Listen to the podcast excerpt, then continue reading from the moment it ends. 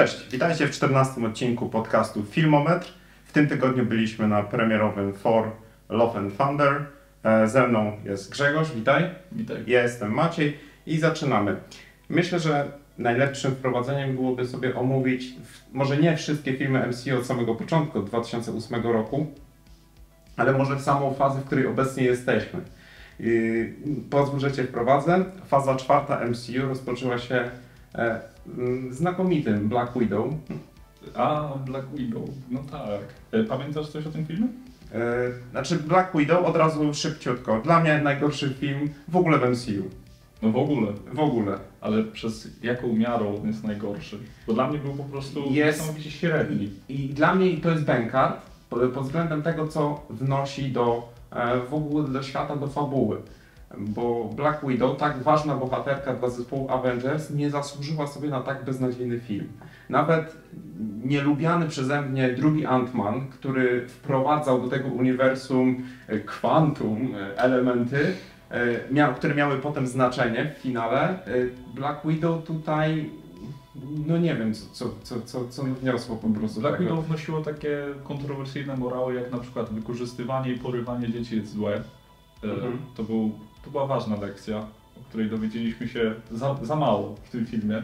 No. Film e, nie, posiadał, nie posiadał jakiegoś swojego klimatu, był to film szpiegowski, był to film No akcji. właśnie, taki nim miał być hołd dla Jamesa Bonda, Rogera Moore'a.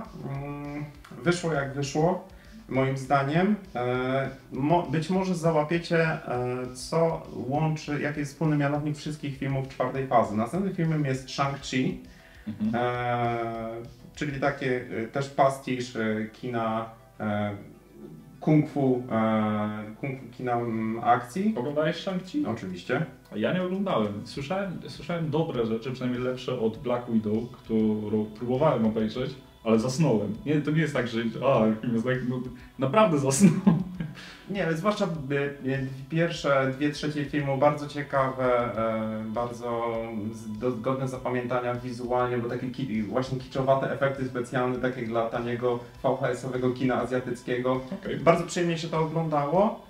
E, Potem mamy Eternals, czyli film, który tak y, i tu mi się wydaje, że będzie najwięcej łączył głównego naszego bohatera dzisiejszego odcinka, czyli Fora, czw- czwarty film. E, Eternals, czyli recenzje mieszane, totalnie na 10 osób zapytasz, pięciu się podobało, pięciu się nie podobało. E, Ja uważam, że przede wszystkim to, co zaczynam od tego momentu, tej fazy mniej więcej cenić, to, to że te filmy są jakieś, że podejmują jakiekolwiek ryzyko, Tak. że nawet z czasem możemy do nich wrócić. To nie jest tak, że ja wiem, że ja już nigdy nie obejrzę Ant-Man 2. To, ten film jest, ja będę, tak, będzie taki dla mnie benchmark totalnej beznadziejności, nijakości w ogóle, jeżeli chodzi o, o kino Marvel Cinematic A on był Universe. naprawdę taki nijaki? Mieliśmy druga czy drugi film? Moim głównym zarzutem, jeśli to nie jest recenzja Ant-Mana 2, ale moim głównym zarzutem względem tej drugiej części było, no pierwszej zresztą trochę też, ale byli trochę e, poskromieni fabularnie, w drugiej odpięli wszystkie guziki, bo ten film wprowadzał bardzo dużo syfu do filmu, który już posługiwał się dużą ilością machania rękami. Tak, Ten- sa- Pym. Ten film nie pozwolono mu zrobić za dużo, bo ten film miał za zadanie być zapchaj dziurą do e, Endgame. No tak. e, do Endgame i tak naprawdę i tak wszystko odbywało się w scenie po napisach. E, To, to, była, to była trudna rola do wypełnienia, no i film wykonał ją i mamy to No, natomiast Eternals, natomiast ja Eternals e, lubię, podobało mi się, jest, jest e, mimo paru niedociągnięć, gdzie to są dociągnięcia, e, właśnie ze względu na to, że podjął jakieś ryzyko, chce być inny i też wprowadza dodatkowe elementy do tego uniwersum. Ty Nas- jesteś bardziej, ty bardziej siedzisz w tym MCU, ja jestem jakby takim, pasażerem. ja, tak, pasażerem. Ja myślę, że bardziej, mamy tutaj, będziemy mieli tutaj trochę perspektywę dwóch, e, dwóch widowni, dwóch targetów, bo filmy z MCU mają spełniać oczekiwania zarówno fanów, którzy śledzą e, każde nowe wydanie, no i też ludzi, którzy zaczepili się przy Avengersach albo przy pierwszym Hulku.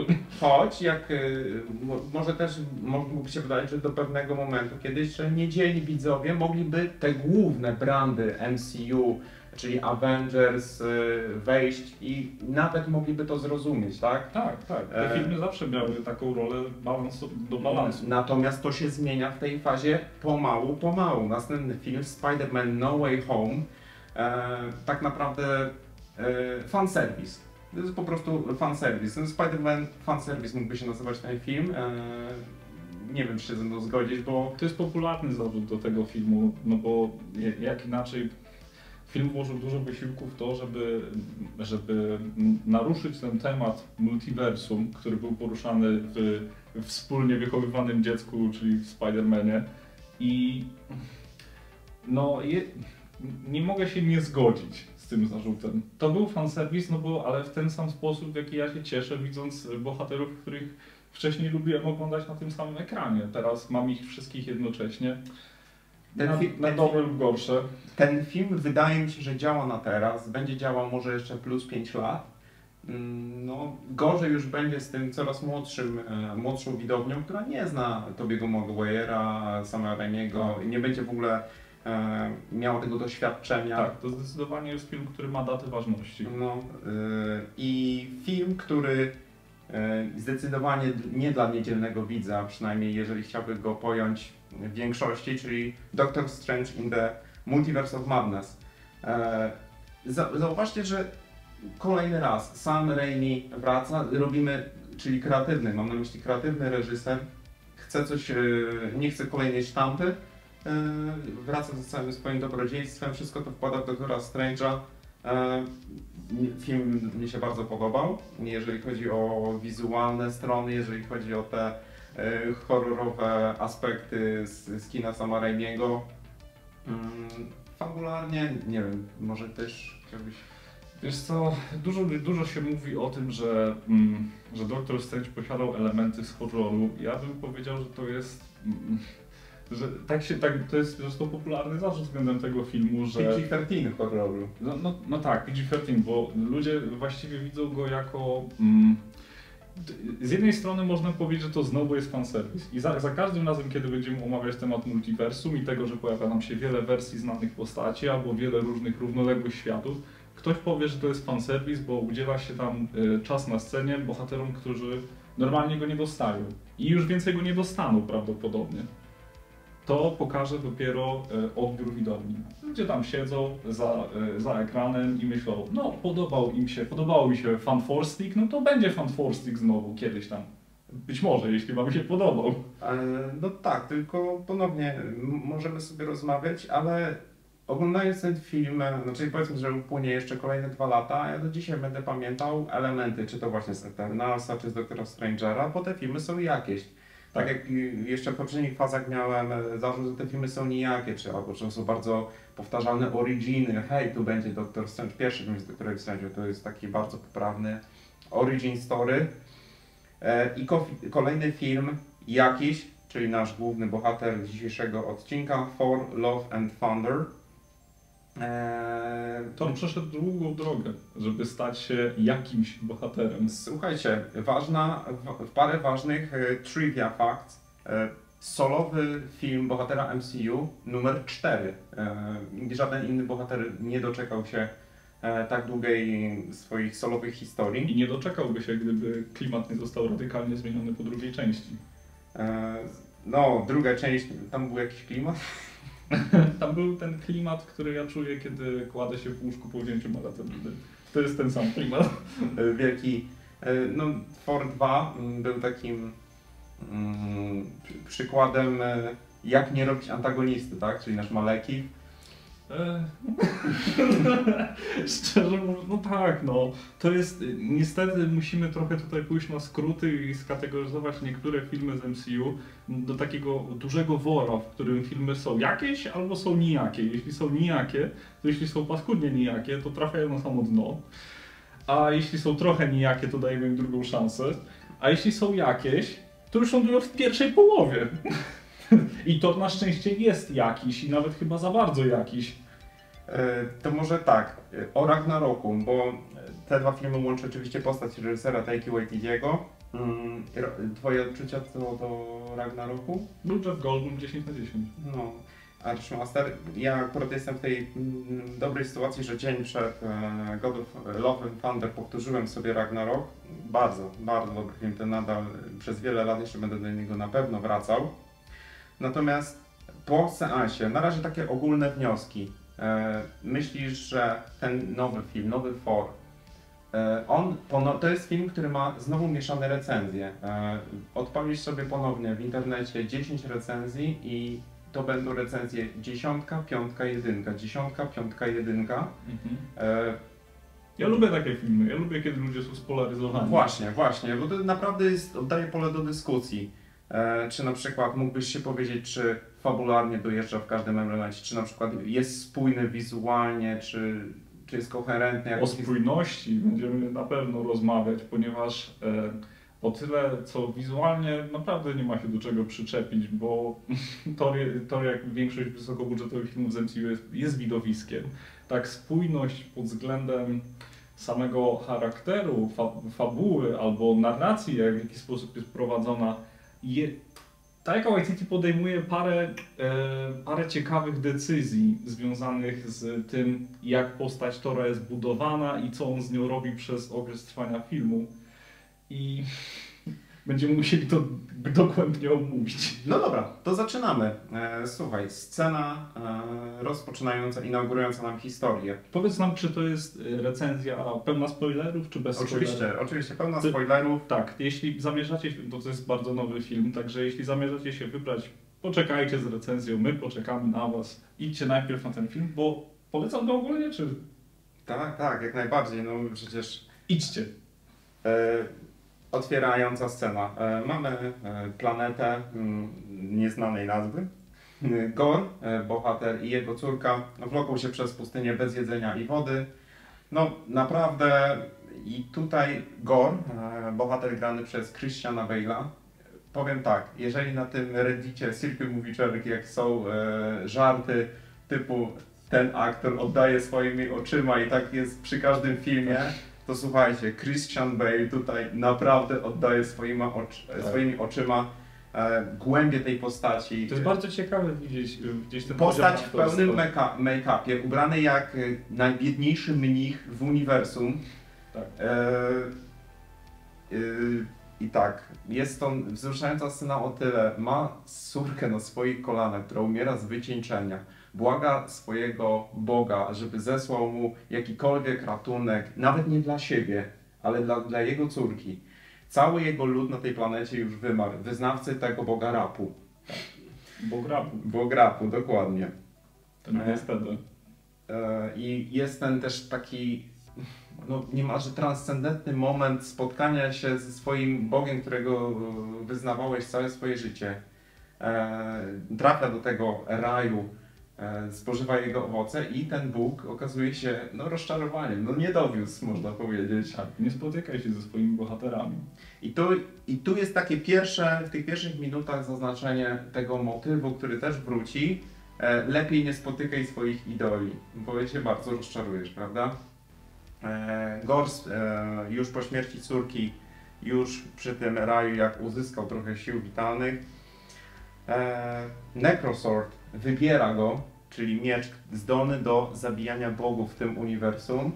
No i nie skończy się to dobrze dla Boga Rapu, gdyż y, Gor, y, no, co on właściwie planuje? Może ty byś nazwał swoimi słowami, bo ja to tak, bo to można różnie interpretować. Czy to będzie jakaś vendetta, czy to może być jakaś krucjata? Gor planuje em, przywrócenie sprawiedliwości i pokazanie bogom, gdzie jest ich miejsce.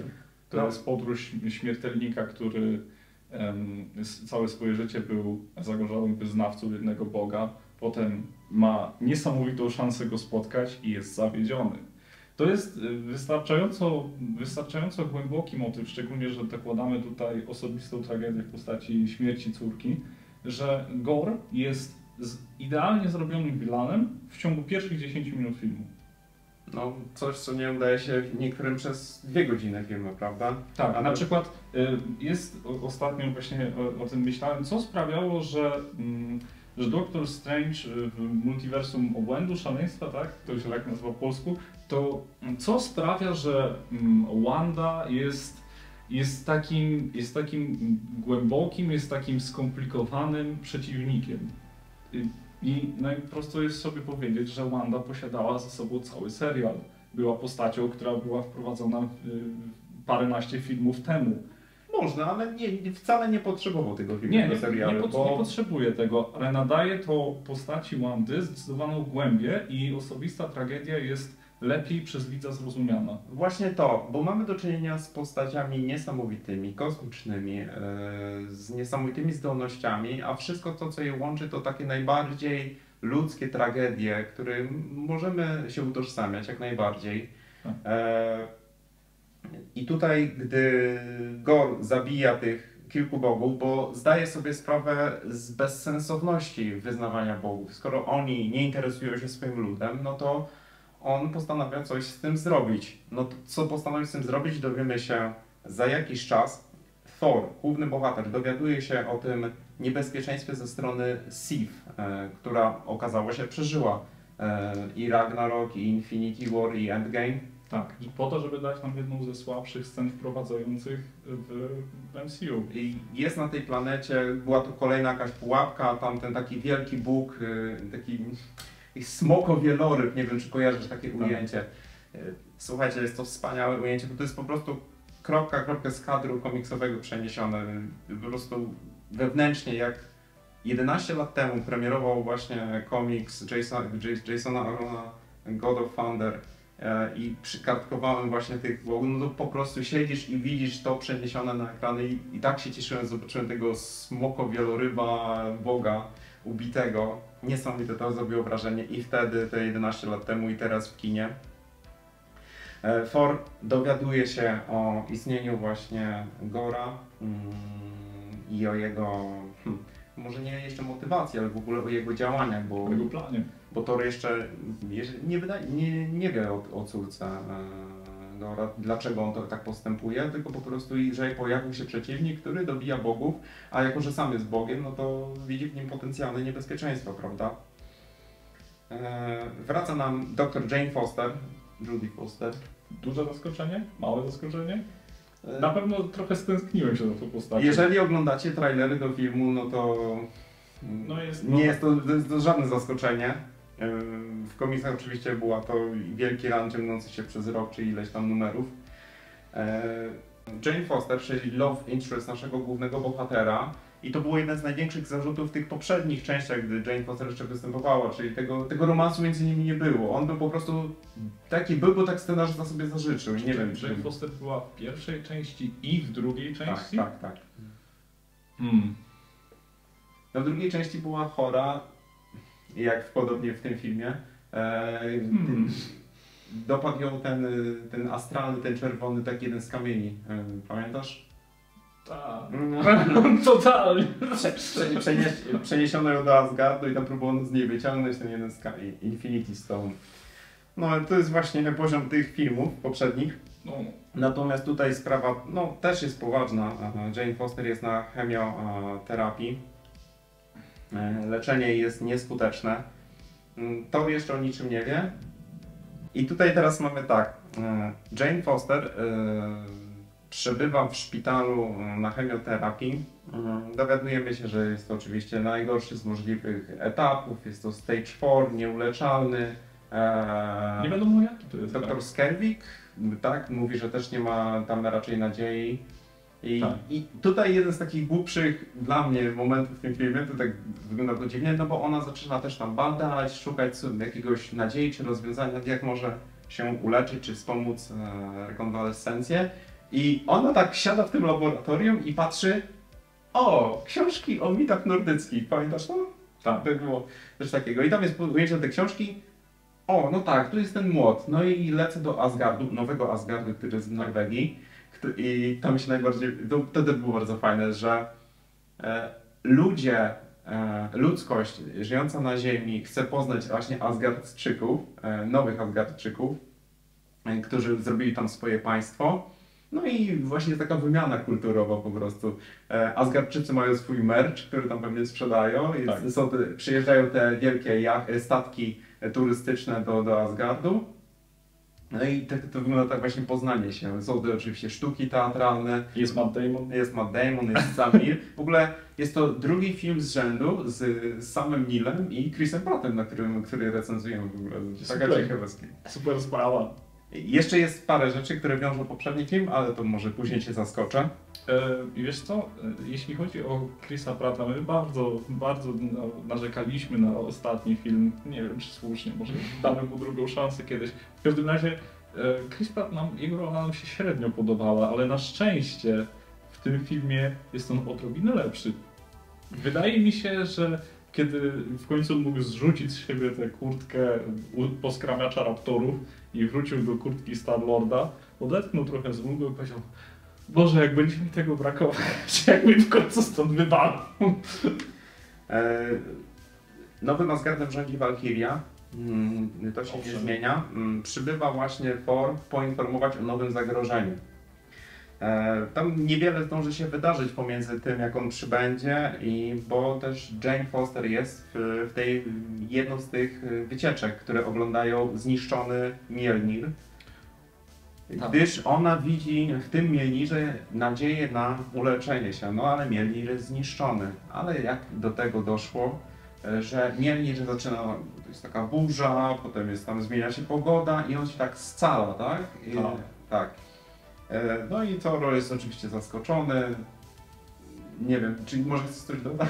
Wiesz co, bo mam, mam wrażenie, że tutaj był odrobiny, odrobinę problem z kolejnością wydarzeń, bo nie jestem pewien, czy to było tak, że Thor, a, czy on przybył tam, żeby poinformować, że jest jakiś zabójca bogów, czy to się zaczęło od tego, że zaczęło mi porywać Znaczy, dzieci? znaczy Thor y, dowiaduje się, najpierw jest początek filmu ze Strażnikami Galaktyki, to jest takie wprowadzenie, oni tam pomagają jakiejś planecie. No właśnie, i wprowadzenie filmu, kiedy Thor prezentuje siebie jako Boga, który nie potrafi siebie znaleźć, nie, nie jest jeszcze pewien swojej osobowości.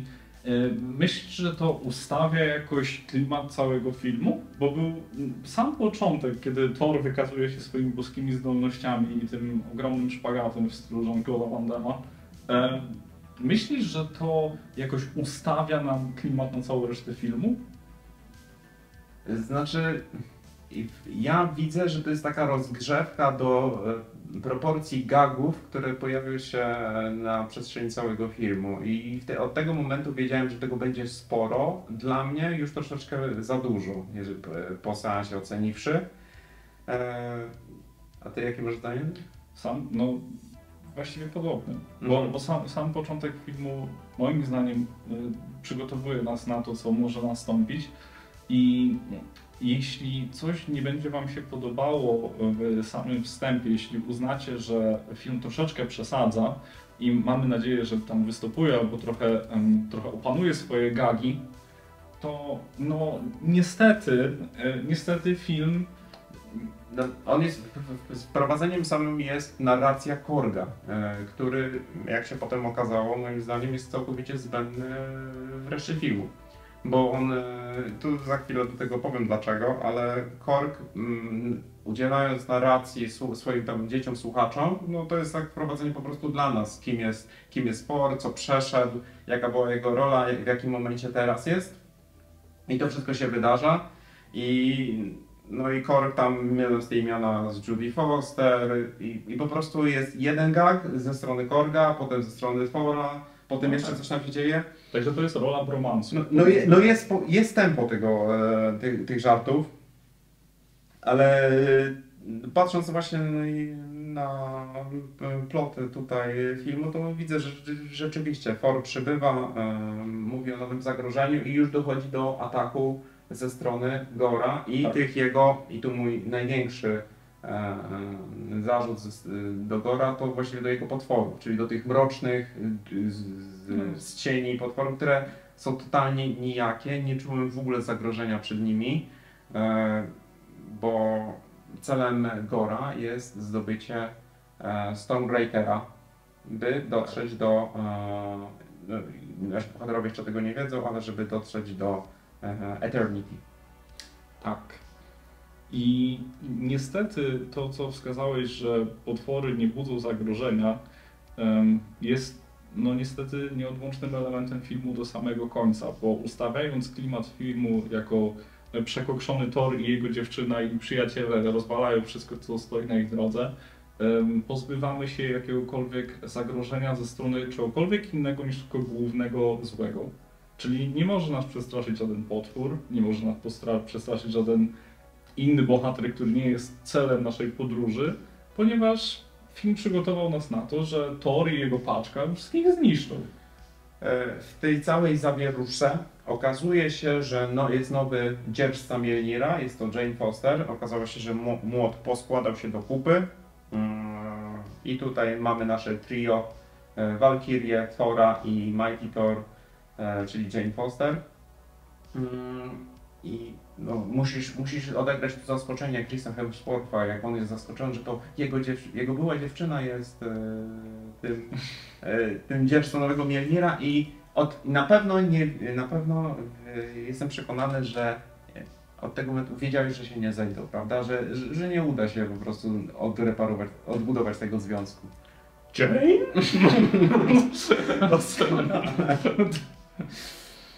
E, Wiesz co, nie byłem, nie byłem tego pewien, ponieważ e, Jane, Judy, tak, ale śmieszne. Jane Foster. O, zbieżność nazwisk, taka zabawna.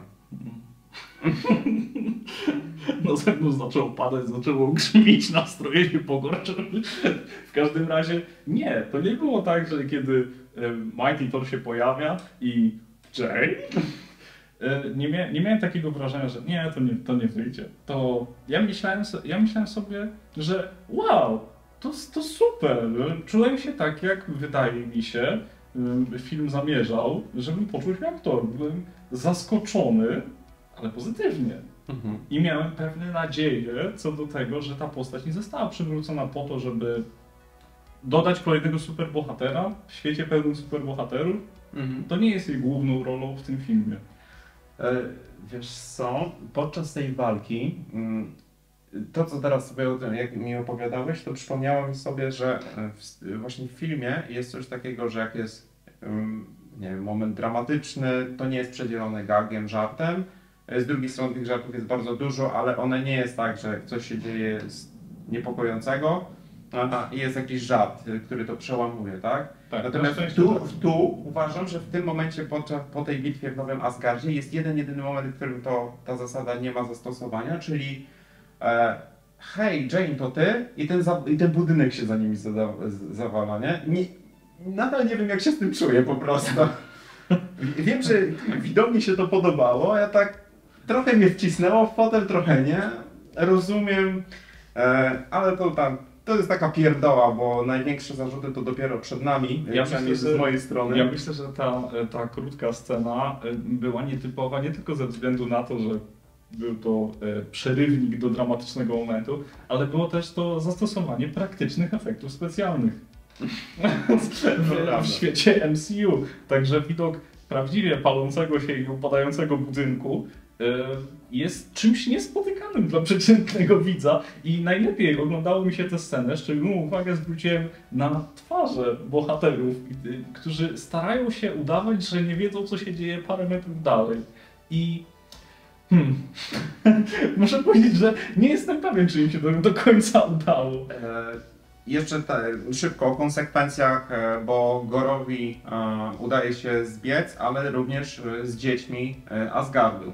Tak, Po prostu one będą miały zastosowanie w późniejszym jego planie, no bo wiadomo, że Thor i drugi Thor, który, który sami ocencie, e, nie, pod, nie mogą, tego tak zostawić i dzieci trzeba będzie odbić, na co prawdopodobnie liczy sam Gor.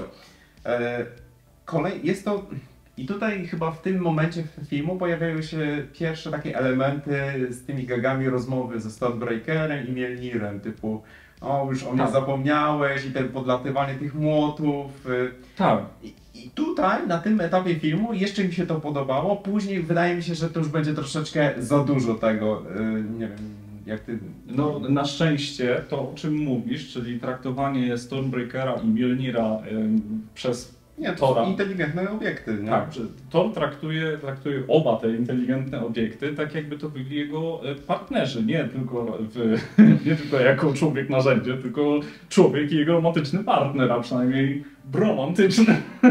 Także e, Thor, e, wprawdzie podoba mu się Stormbreaker i w ogóle i fajnie, a Mjolnir to była ex. Jest pewne, to Taki- bardzo ciekawe Grubo ciosany symbolizm, no. no, no, no trochę tak, no, ja, ale wiesz co, wydaje mi się nawet, że Ale akceptowalny, tak. było to, było to tak odległe od wątku, e, wątku z Jane Foster, że, e, że traktowałem to jak, e, jak odrębny wątek, jak, jak coś niepowiązanego. Żeby nie było, mnie się to podoba, tylko że w pewnym już, y, zwłaszcza w trzecim akcie, tego jest za dużo, zwłaszcza gdy jest taki, y, y, szybko przeskakuję do przodu, e, moment, w którym Stormbreakem jest tym pilotem, czy tą tęczowym mostem Tak. i, i on polewa go piwem. Dla mnie już było po prostu za dużo. Już, Tak, ale to był moment, w którym ten wątek się zakończył. No tak, ale gdyby go wyciąć, już byłoby idealnie. Już byłoby idealnie zbalansowane. No jest już nadbudowana dla mnie waga, ta stawka tego pojedynku i troszkę dla mnie to takie kiczowato to wyglądało. Gdybyś wyciął tę scenę, zakończyłbyś bardzo rozbudowany gag, Mhm. bez kończenia go, Okej. co niestety no, no byłoby, byłoby minusem filmu, bo jeśli już wprowadzamy tę dynamikę między Torem i jego byłymi narzędziami, to dobrze jest, że ją udało się zakończyć w jakiś przyjazny, e, obiecujący sposób, któ- do którego już na szczęście nie musimy wracać później, bo film ma ważniejsze rzeczy do roboty i Bogu dzięki. E, I w ogóle odbudowa tego młotu, młota, jak tytuł wskazuje, Love and Thunder, zwłaszcza ten motyw love, tak istotny dla tego filmu, chyba potęga e, siły miłości w końcu zrobiona dobrze na ekranie kin, która po prostu jest w stanie zdziałać cuda, prawda? No, Czy młot został odbudowany potęgą miłości? No, e, został, e, został rozkazem e, Tora, który mm, przyrzekł, znaczy to później było, Tak, no tak. e, że, że ma strzec Jane za, chyba za przekocenę, coś takiego. tak. Co nasza grupa e, mm, Valkyria, Thor i Jane Foster muszą zrobić? No, trzeba ostrzec innych we wszechświecie. Poprosić ich o pomoc. Tak, i udzie, u, udają się do Omnipotence City, czyli miasto dostępnego tylko dla bogów. Coś takiego był mo, motyw. E, I tam jest takie zebranie bóstw, którym przewodniczy Russell Crowe, grający Zeusa. I słuchaj, on miał taki fan w ogóle z tego. Bardzo mi się podobało, że wprowadzili postać ze śmiesznym akcentem, która miała trochę więcej czasu na Znaczy, na to nie był jego akcent, nie? To był taki grecko-nowozelandzki, czy co to było? Trochę niemiecki chyba też słyszałem. W każdym razie spójny, na szczęście. Ale, ale, ale bardzo zabawny. I sam Zeus, no... Niestety nie mogłem się oprzeć takiego wrażenia, że przyzwyczaiłem się do Zeusa tak, jak był przedstawiony w Hadesie. ale y, ta, bogowie zostały tam przedstawieni zupełnie inaczej, na, na szczęście. I samo, sam wątek w mm, Omnipotence City, nie wiem czy to jest jedno słowo, Omnipotence Omni- Słowi City. Omnipotence City. Wszechwieczne miasto? Nie, coś takiego chyba, nie? Było tłumaczenie Nie e, bodajże. No, a co z tym wątkiem? Co z tym wątkiem? Em, No bo celem jest ostrzeżenie i być może zebranie armii do walki z e, Gorem. tak.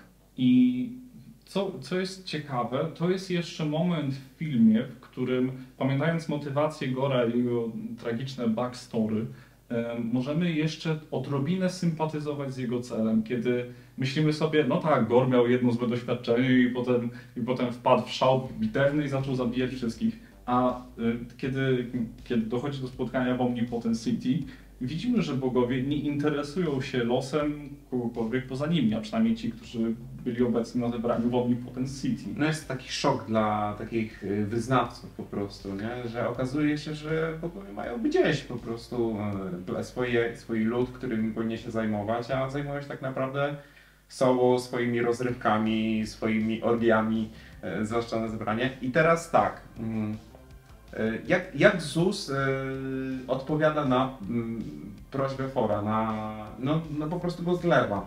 Natomiast i co jest istotne, tutaj ZUS ma rację. No bo co jest celem e, Gora?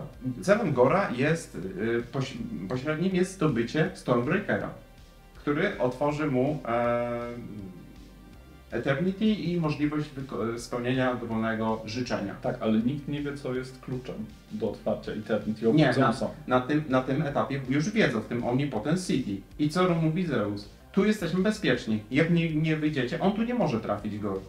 Jeżeli Stormbreaker się stąd nie wydobędzie, e, Gor nic nie, nic nie zdziała. No, oprócz tego, że może zamknąć te dzieci.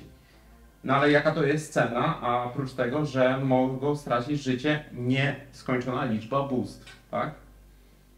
Hmm. Jak, jakbyś się odniósł do tego wątku, bo, no, no bo ciężko, mimo że Zusa da się nie lubić bardzo łatwo i nie lubimy go za to, że odmawia pomocy, że nie jest takim i, ponownie wraca wątek, nie spotykaj swojego idola, bo tu Thor mówi, że się na nim wzorował, że miał jego plakaty nad łóżkiem i tak dalej, on jest bogiem piorunów, on jest bogiem grzmotu czy coś takiego. E, nie wiem, no, nie wiem, zauważyłeś to może w filmie, czy nie? No bo Zeus, ma rację. Zeus reprezentuje interesy wszystkich bogów zgromadzonych w Omnipotent City.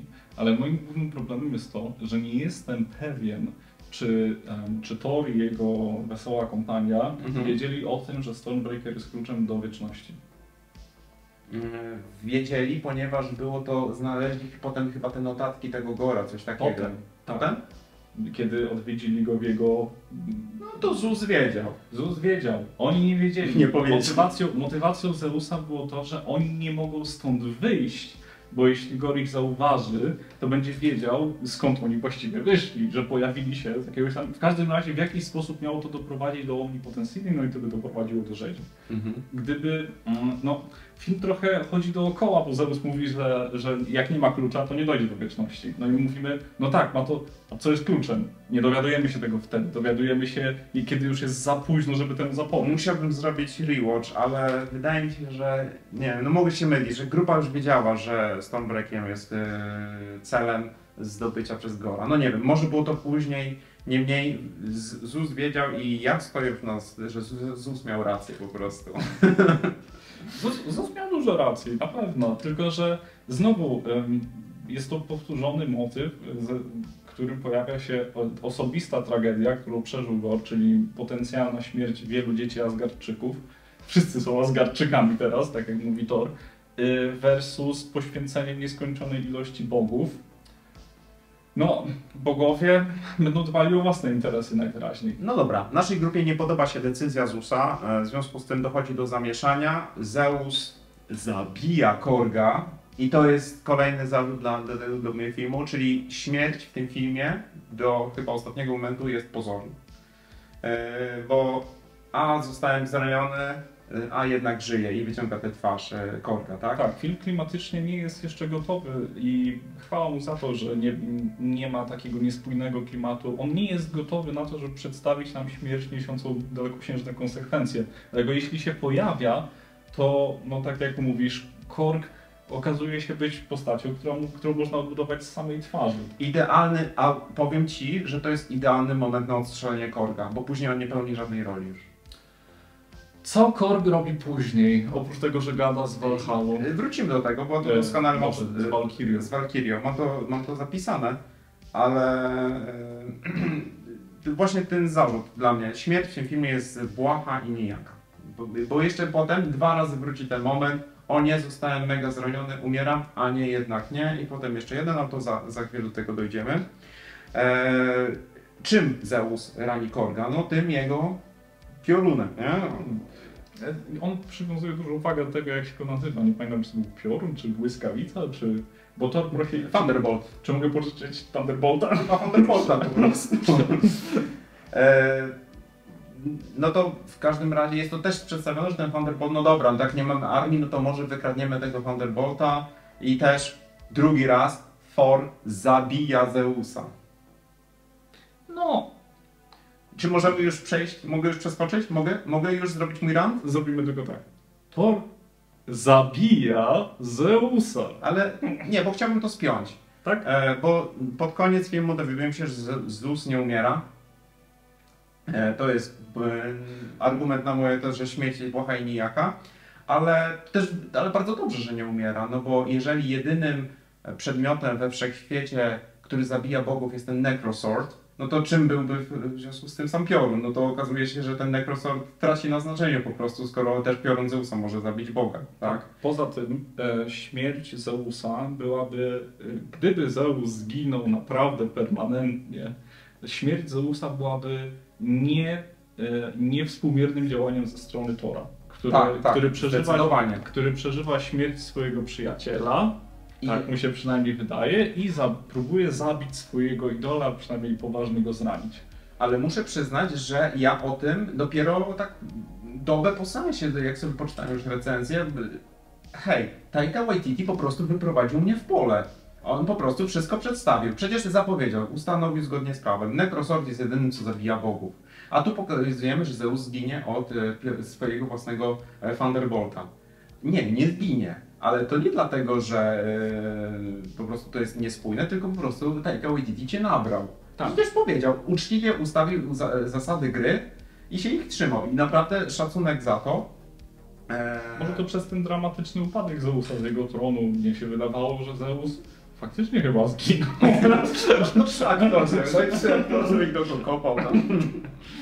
E, udaje się wygrać ten e, mm, Thunderbolt i czas udać się, podjąć próbę ratowania dzieci do e, Realm of Shadows, coś takiego i no chyba, nie wiem czy to było zamierzone czy nie, ale Christian Bale ze swoim League of Shadows, czy to był żart czy nie, nie mogę pojąć. Wydaje mi się, że to może nadinterpretacja.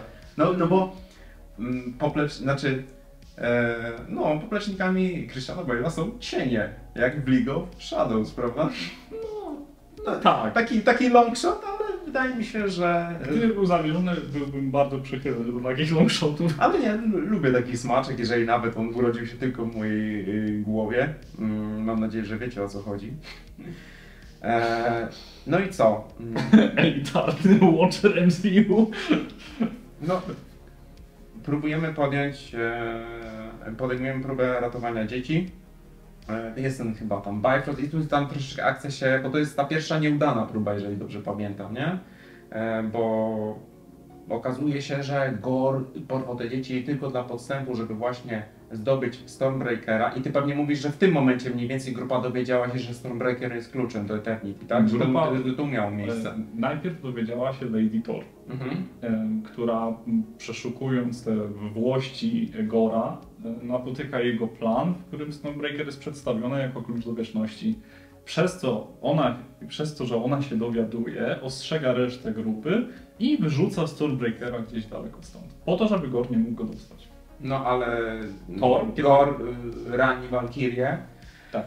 E, Grupa jest w potrzasku i wracają na ziemię, no ale z, z beznadziejnym efektem, no bo Stormbreaker dostaje się w łapy Gora.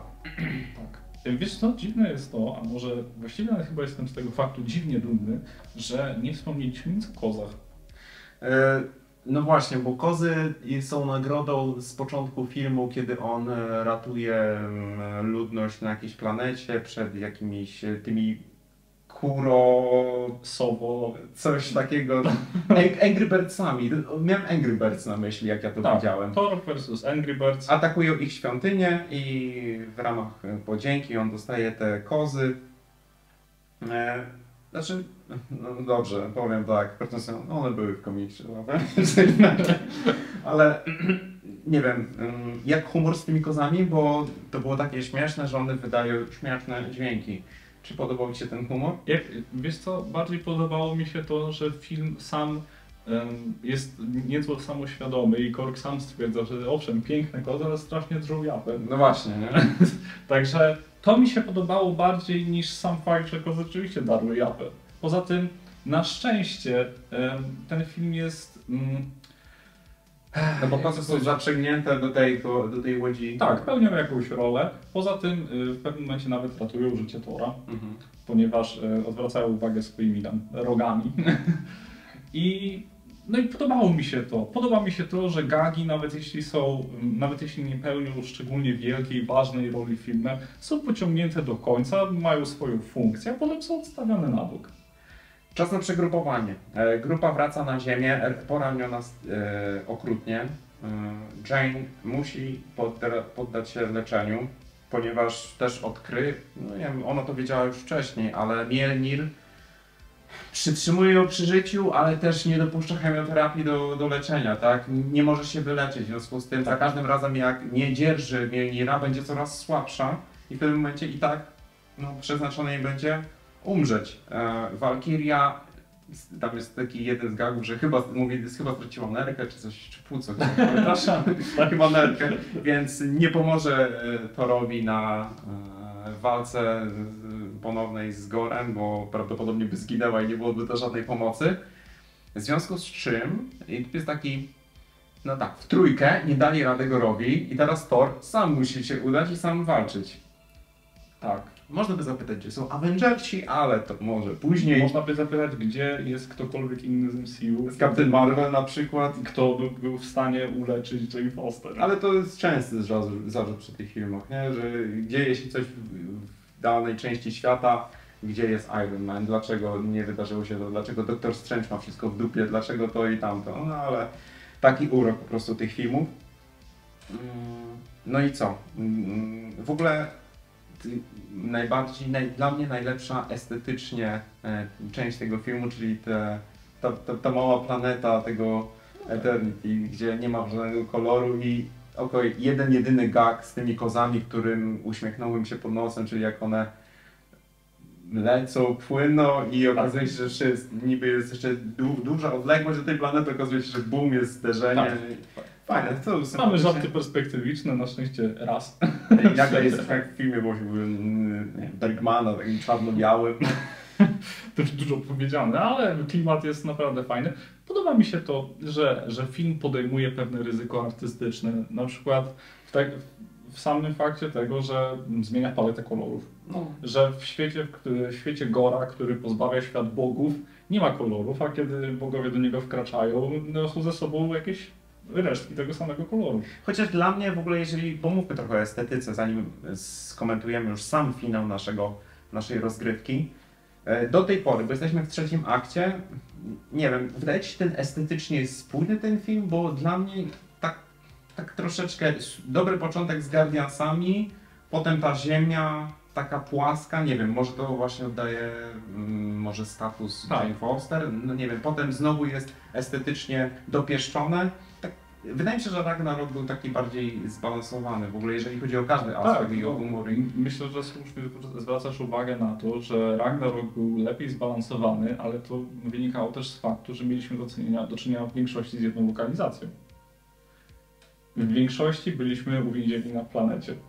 Na jednej planecie. Arcmistrza. Tak? Tak. I to miało sens, żeby film nie zmieniał, nie zmieniał estetyki, ponieważ znajdowaliśmy się cały czas w jednym miejscu. Na i- Sakarze. O, przypominam Sakar. Sakara. Sikaka. I to miało sens. I tak samo tutaj, kiedy przemieszczamy się po- pomiędzy różnymi lokacjami, em, walory estetyczne filmu również ulegają zmianie. To nie znaczy, że film wygląda gorzej lub lepiej w jednym miejscu, ale w świecie, który jest praktycznie nieograniczony, mamy już całe multiversum, mamy miliony lokacji, film cały czas przypomina nam, że każda z tych lokacji niesie swoje wybitne znaczenie. I robi to w sam, samym prostym faktem tego, że używa innej palety kolorów, innego oświetlenia, innego rodzaju ujęć. Ziemia jest, ziemia jest płaska, ale szeroko przedstawiona z nieco wypranymi kolorami. Świat bez bogów Gora jest praktycznie czarno-biały. Kiedy mamy do czynienia z kozami i kosmosem, kosmos jest niesamowity. Niesie tyle nasyconych kolorów, że nie wiadomo od czego zacząć. Okej, okej, no to załóżmy, że zgadzam się, przekonałeś mnie do tej, może wydawało mi się, niespójności estetycznej, to por, porozmawiamy o walorach muzycznych i, i pi, piosenkarskich. E, James Gunn umie lepiej w muzykę, jeżeli chodzi o... Ja już miałem dosyć Guns N' Roses po prostu, tego było za dużo. No właśnie, nie, nie można mówić o tym, że soundtrack jest spójny tylko ze względu na to, że używacie jednego wykonawcy. No, niestety coś tu nie pykło. tak, tak w skrócie. Nie wiem, czy wykupili po prostu, tak była przeceniona licencja na Guns N' Roses, ale... E, To było tak. Kup Welcome to the Jungle. Dobra, kup. Kurwa, cały album, no i teraz Tak. musimy coś zrobić z tym. I mm, syn Heimdalla, który przybrał imię Axel, też mi się podobała ta właśnie buntowniczość, że on sam chce wybrać sobie imię, że mm, po prostu takie młodzieżowe szukanie tożsamości, prawda? Tak. E, I też właśnie mi się podoba to, co mówiłem wcześniej, że e, Asgardczycy poznają kulturę ziemian i ziemia, e, i Asgard, e, typu właśnie na przykład o, poznają topowe bandy lat 80. i, i nagle jest to popularne w Nowym Asgardzie i ziemianie poznają też Asgardczyków. Nie wiem, to fajne to połączenie, podobało mi się, tylko dlaczego oni się spali na, tylko na ten Guns N' Roses, no. I jeszcze, i, i, i to nie tylko muzyka, bo tam plakaty, były tam ubrania, po Postać. prostu to było merczu więcej niż samego Asgardu, który tam był nastawiony na biznes. Może jest to zapowiedź jakiegoś nadchodzącego turu Guns N' Roses. E, I tutaj tak wydaje mi się, że no, byłem już trochę zmęczony Guns N' Roses. Nies- Niestety, muszę przyznać Ci rację, to co na początku było mm, ciekawą zapowiedzią klimatu, jaki będzie panował pod względem muzycznym w tym filmie, pod koniec jest już raczej męczące. Przypomina to, y, to jest jakby ktoś dawał Ci jakieś wyśmienite danie, ale jednocześnie kopał Cię pod stołem i mówił, że no jest, jest, no co, no nie idź, no, znaczy, ale Guns N' Roses troszkę mi się już nie podoba, musisz trochę przystopować z tym. No, też ogromny fanem był chyba tej tej Guns. Jest jakaś fiksacja, no tak, ale nie jest to na szczęście duży minus. Myślę, że pod, pod, względem, pod względem muzycznym można było coś zrobić lepiej. Zwłaszcza, że w Ragnaroku naprawdę było tej różnorodności. No, przepraszam, że się co chwilę tego odwołuję, no ale Ciężko nie porównywać tych naprawdę wygląda na to, że Taika z- zmierza do swojej własnej trylogii torowej po prostu. E, I ciekawe jak to będzie wy, wypadało z biegiem czasu. To co, finał, nie? No tak. E, w ogóle, no dobra, jesteśmy w Eternity, e, samym centrum, centrum, centrum wszechświata, Tak. gdzie odbywa się ostateczna walka. No, E, jak wygląda Eternity? I tu jest mój zawód, jeżeli chodzi o estetykę. Tutaj.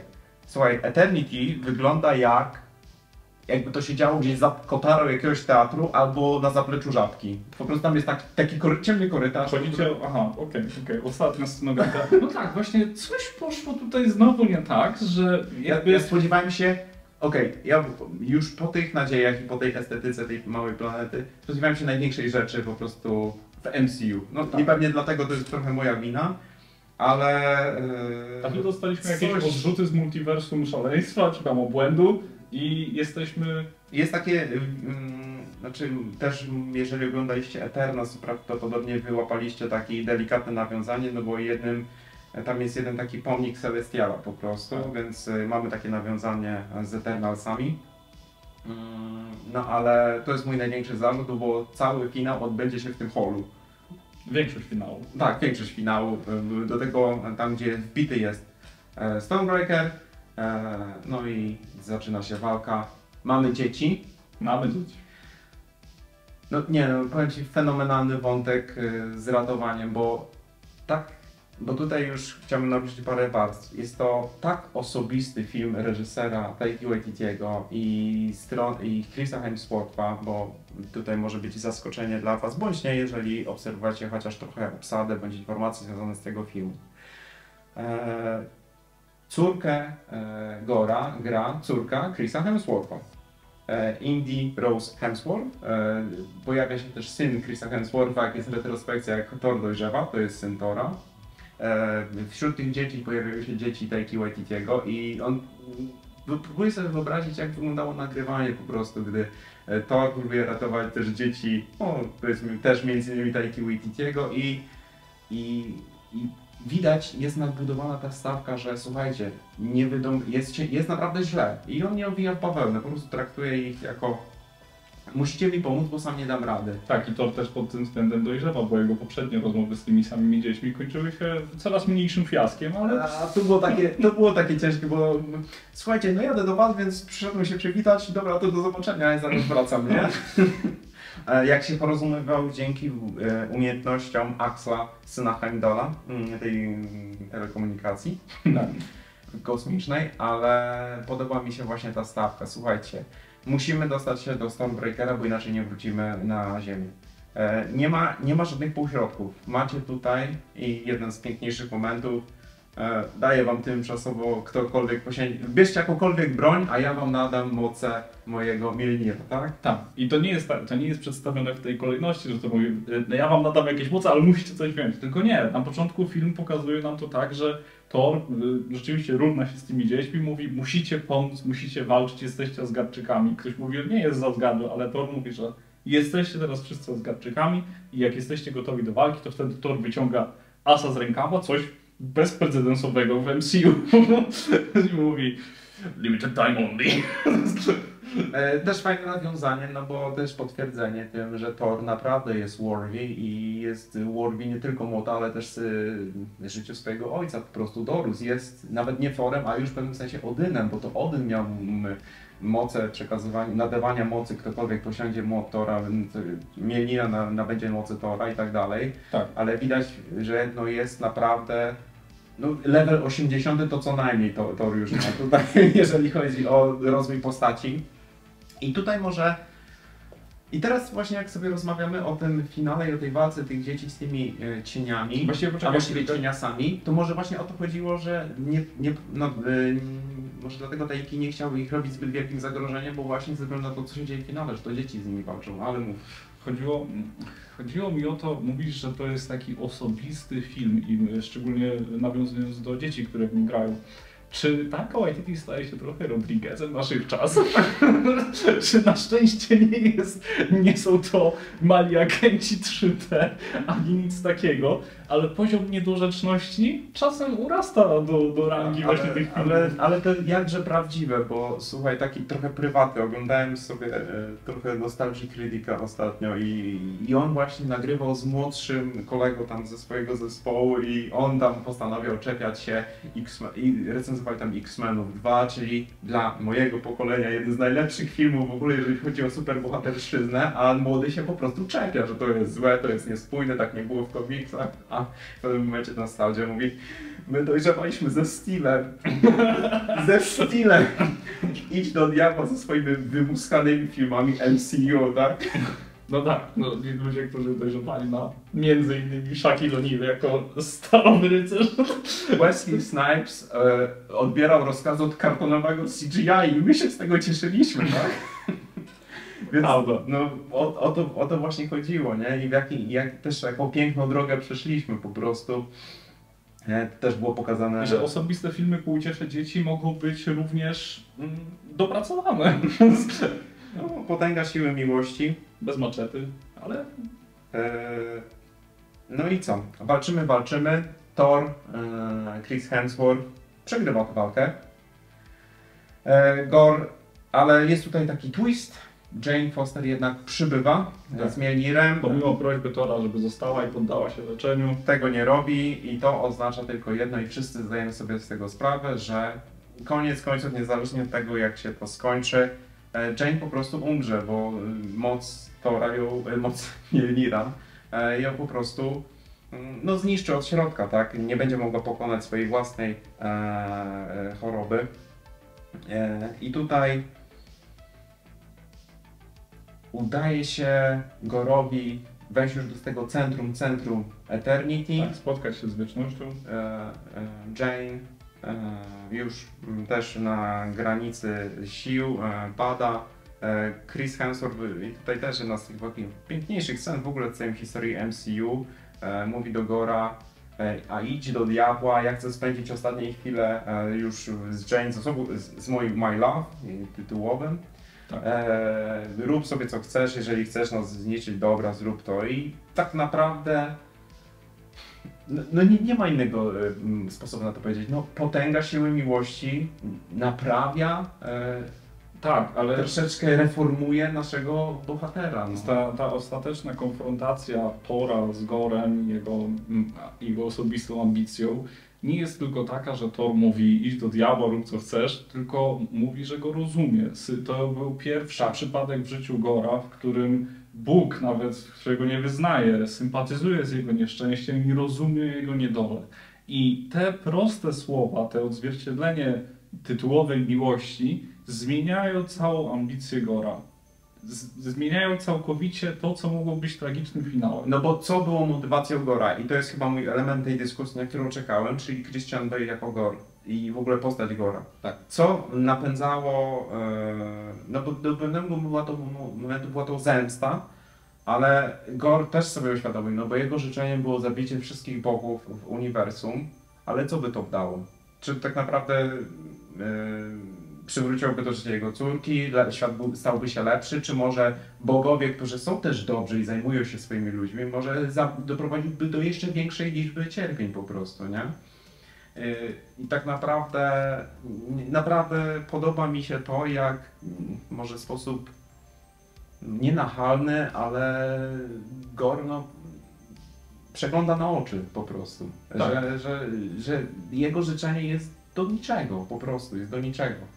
To jest, no to jest prawda i to jest... e, to Może, bardzo- może y, po prostu to, co się jemu przytrafiło, to może tym swoim życzeniem spowodować to samo w innych zakątkach po prostu uniwersum, tak? Możliwe, tak. Wszechczasów. Po prostu pod względem, względem fabularnym ten, ten zabieg byłby bardzo trudny, gdybyśmy nie mieli szerszego spojrzenia i na osobistą tragedię Gora, i na historię postaci Tora, który no, stara się być dobrym bogiem większość czasu. I po prostu odrobina, odrobina mniej i ten zabieg fabularny by się nie udał. Byśmy sprowadzili to do e, o, znowu łzy, łzy i miłość przywróciły życie wszystkim, których kocham. Na szczęście tak się nie dzieje. Na szczęście, jak to się mówi, e, film pulls off. E, zmiana zdania co do życzenia Gora. Postanawia poprosić Eternity o przywrócenie życia jego córce, albo, e, która jest, podkreślam jeszcze raz, grana przez córkę Chrisa Hemswortha. E, Gor e, zwraca się do Jane i do Tora, e, tylko obiecajcie mi, że nie będzie sama, samotna, jak po tym jak już on już odejdzie, bo on zginie w momencie, kiedy on nie dzierży już Stormbreakera, no bo nie zapominajmy, że on nie jest żadnym bogiem czy coś takiego, tylko on mo moc czerpał cały czas. Tak, on jest instrumentem miecza. Czy Necro, Necrosorda, który też został e, tam chyba zniszczony e, chwilę wcześniej, prawda? Tak. E, Więc no, okazuje się, że jak jesteś w centrum wszechświata, jesteś śmiertelnikiem, to to źle robi na zdrowie. może jeszcze parę takich luźnych wniosków. Jane umiera, mm, Chris Hemsworth, nie wiem, adoptuje, ma e, swoją, swoją córkę, swojego też nowego partnera, no bo tak naprawdę to daje pole do kolejnych, e, kolejnych historii, kolejnych filmów. Mm, Ona jeszcze nie dzierży Mjolnira na szczęście, ona, wtedy, ona na razie Stonebreakera, tak? Na razie tam Stormbreaker, Tak, tak. zobaczymy w którą stronę to pójdzie. Co Zwłaszcza, dwa razy większe od niej. e, chciałem trochę porozmawiać jeszcze o tym love story, love interest.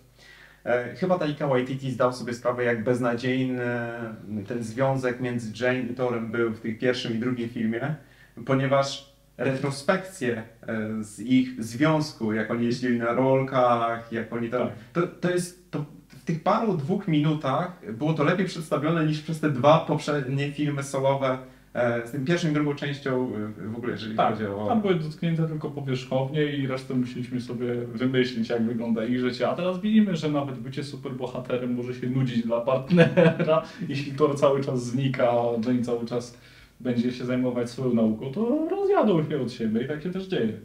Y, Jeszcze jakiś wniosek, jakieś może minusy, które ci. Bo to, co właśnie podkreślam, bo w końcu mamy film, który rodzi jakieś emocje, rodzi dyskusje i czym może trochę cię naprowadzę, ten film jest dla mnie trochę jak Guardians of the Galaxy 2 albo właśnie Eternals, e, bo Eternals zwłaszcza, gdzie on podejmuje jakieś ryzyko, może po wyjściu z kina i stąd właśnie te może mieszane opinie widzów, że to nie jest to, co się spodziewałem, że to nie jest to Ragnarok, ale potem widzisz, jak osobisty jest to, ja spojrzałem ten film, on tak dojrzewa, po prostu, że on zyskuje po prostu z biegiem lat i naprawdę chętnie będzie się do niego wracało.